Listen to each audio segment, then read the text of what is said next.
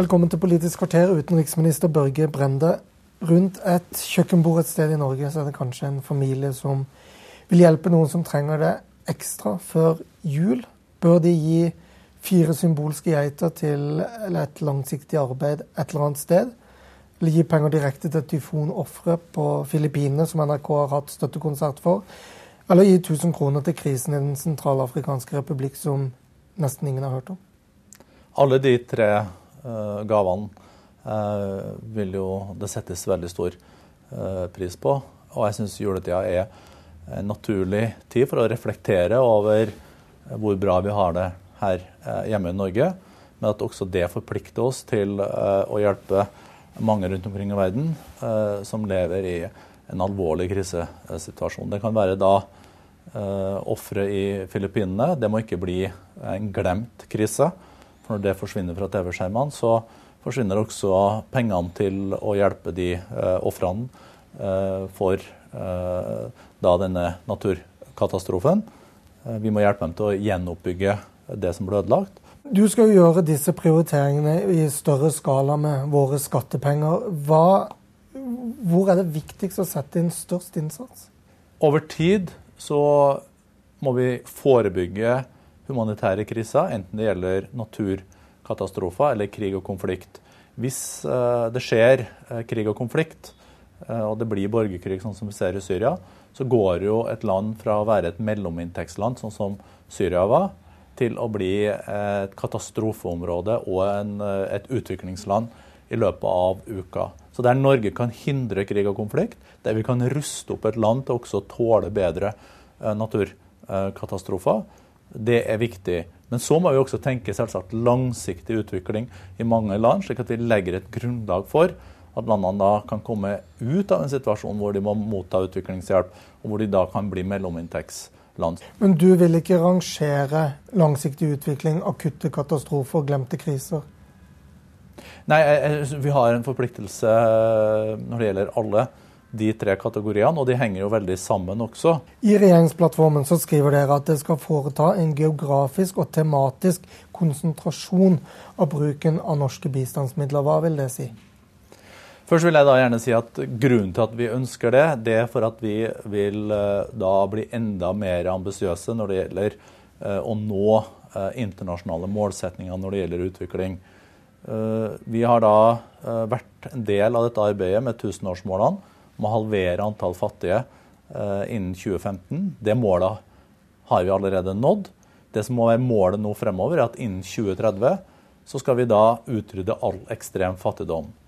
For å nå det målet så må vi tenke nytt og annerledes når det gjelder eh, utviklingshjelp. Det ene er at Vi må sørge for at vi får mer igjen for de ressursene som vi bruker. At utviklingshjelpa utløser andre investeringer og en politikk i utviklingsland som styrker eh, da eh, elementene. For å få mer ut av norsk bistand, så vil det også være naturlig med å konsentrere seg om noen færre land, men vi også tenker tematisk, eh, som du nevnte, eh, hvor vi må styrke innsatsen bl.a. innenfor utdanning og jenter og utdanning. Uten utdanning ingen utvikling.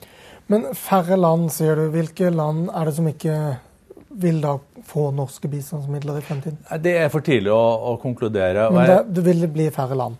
Ja, Årsaken til at det over tid vil være naturlig uh, å spre seg mindre tynt utover, er at det fører også med seg ganske mye administrasjon og kostnader med å operere med så uh, mange uh, land. Slik at Hvis man kan konsentrere seg om noen færre, så får vi også mer ut av ressursene. Det skjønner jeg, men Vil dere dreie bistanden fra Sør-Amerika, som eh, SV, Solheim og den rød-grønne regjeringen bygde opp, eh, til Afrika, som har vært et eh, trengende kontinent, store deler av det, i mange år? Det er ikke noe tvil om at de største fattigdomsproblemene i verden de befinner seg sør for Sahara. der andelen av befolkninga som lever i fattigdom, er størst. Men vi har jo også andre land, ta f.eks. India. Hvis du ser på tall, altså hvor mange fattige er det, så kommer jo de høyt eh, opp. Men de har en annen kapasitet da, til også å håndtere dette her sjøl, hvis det er en politisk eh, prioritet. Men når det gjelder Latin-Amerika, så eh, går det ikke an å si at vi ikke skal drive utviklingshjelp eller bistand i Latin-Amerika. Det vi må se på, er mer tematiske satsinger. Og jeg mener menneskerettigheter er viktig i Latin-Amerika. Jeg mener også dette med urfolks rettigheter har vært en prioritet, og vil være en prioritet også for denne regjering eh, i Latin-Amerika. Men over tid så må vi operere med noen færre land for å sørge for at vi får større effekt ut av den bistanden vi gir. Så er vi også Eh, blant de ti største bidragsyterne til FN. Og FN kan jo da håndtere mange flere land, fordi, eh, og sånn sett så når jo også norsk bistand ut enda bredere enn de landene hvor vi har en sterk norsk satsing. Men Kan du være mer konkret på hvilke temaer eller hvilke land dere skal kutte i? For Det virker for meg som om dette er blitt vanskeligere å gjennomføre Eh, eller å konkretisere da, enn en det som kanskje var tanken da Høyre i sin tid gikk inn for dette som standpunkt? Jeg kjenner meg ikke igjen i, i det bildet, for det arbeidet er jo nå da også igangsatt når det gjelder tematiske. så... Eh, Bare toner dere ned. Jeg skjønner hva dere bygger opp. men hva toner dere ned? Nå, nå, vokser jo faktisk norsk bistand ganske kraftig også, så bare gjennom å bruke veksten på det som er prioriterte områder, så oppnår man jo mye. og Da vil jo relativt sett det området også styrke seg. Eh, men eh, når det gjelder da f.eks. utdanning, så var det eh, i 2005 så brukte vi 12% av utviklingsbudsjettet vårt på utdanning og jenter. I dag, da vi overtok, så brukte vi 5% Den klare nedprioriteringa av utdanning er noe som jeg ikke støtter. Jeg tror at utdanning, og spesielt for jenter som da ikke uh, får det i mange utviklingsland. En veldig fremtidsretta uh, satsing.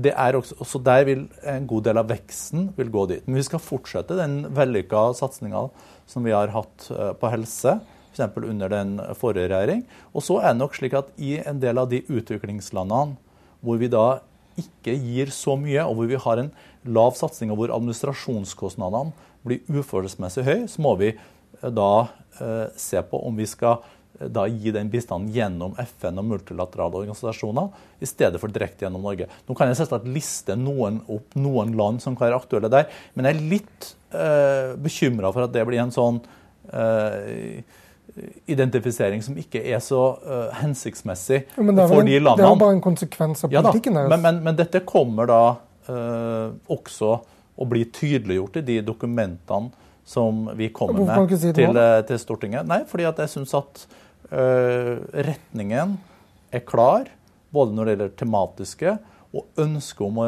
redusere antall land. Det vil komme. Men hvis jeg nå begynner å nevne ett, to, tre, fire land, så kan det også være en stigmatisering av de landene. Det, jo, det, vil jo komme for dagen, som du selv ja, ja, ja, sier. det er en konsekvens av politikken, så du kan like gjerne si det nå, hvis du allerede vet nei, det. fordi at uh, jeg har også et ansvar for at i disse landene her så har de eh, gjennomført mange viktige utviklingsprosjekter som vi har støtta opp om, og eh, som jeg selvsagt ønsker skal da eh, også eh, være satsinger eh, fremover. Men for Norge så er det riktig over tid å redusere antall land for å få mer igjen for bistand, slik at ikke for mye går til administrasjon. Men eh, det er også Norges oppgave da å gjøre dette på en sånn måte at det ikke stigmatiserer land. Det har aldri vært meninga vår. Men politikken er jo klar. Men grunnen til at vi ønsker dette, er jo for å få mer ut av bistanden, slik at vi kan nå flere fattige, slik at Norge kan bli enda mer effektive i vårt arbeid med da å kunne nå en global målsetning om eh, å da kunne avskaffe all ekstrem eh, fattigdom i verden innen 2030. Nytt tema. Hva betyr det at eh, Norge skal føre en balansert Midtøsten-politikk? Det betyr at vi eh, støtter sterkt opp om eh, det fredsinitiativet som USAs utenriksminister John Kerry har tatt. Han har nå fått Israel og Palestina til å sette seg ned og starte forhandlinger igjen etter to års opphold. Disse forhandlingene er basert på en tostatsløsning, Israel-Palestina. Den er også basert på grensene før eh, 67. Og så er det da de andre elementene som er vesentlige i disse forhandlingene. Det er da behandling av palestinske flyktninger.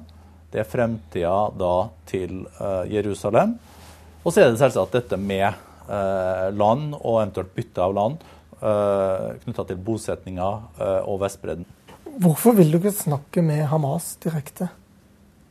Hamas fikk jo makta på Vestbredden, eller på, på Gaza, gjennom et kupp. og Eh, jeg syns ikke det er naturlig eh, for eh, en norsk utenriksminister å ha en dialog med en organisasjon som også da bruker vold og terror, sånn som Hamas gjør.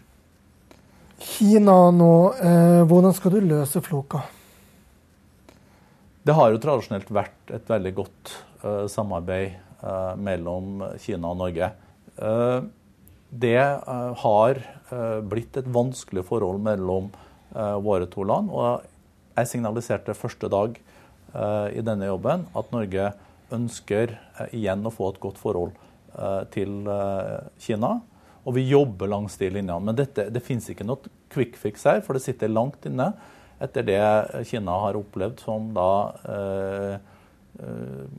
Og de opplever som negative signaler fra Norge. Og nå har jeg da forsøkt å få forklart at eh, vi har stor respekt for mye av det Kina har fått til. Bl.a. når det gjelder fattigdomsbekjempelse, så er det over en halv milliard kinesere som har blitt løfta ut av bunnløs fattigdom og, eh, og, har fått et liv med muligheter for både arbeid, eh, de har fått også et helsesystem. Og dette må være elementer som også bringes inn i den bredere samfunnsdebatten Eh, i Norge. Men så er det jo selvsagt andre forhold i Kina også. Men er denne jobben og det å løse denne, dette tillitsforholdet vanskeligere enn du trodde? Det stikker veldig dypt, og det hadde jeg jo også et klart inntrykk av før jeg fikk denne jobben. Og Kina er jo et samfunn som er prega fortsatt av en konfusiansk måte å tenke på, hvor man tenker mye lengre Eh, over lengre tid. Og når det har oppstått en, eh, det de opplever da som en konflikt mellom våre to land, så vil de over tid se at eh, det er også en interesse og genuint ønske fra det norske folk om da å reetablere gode forbindelser mellom våre land.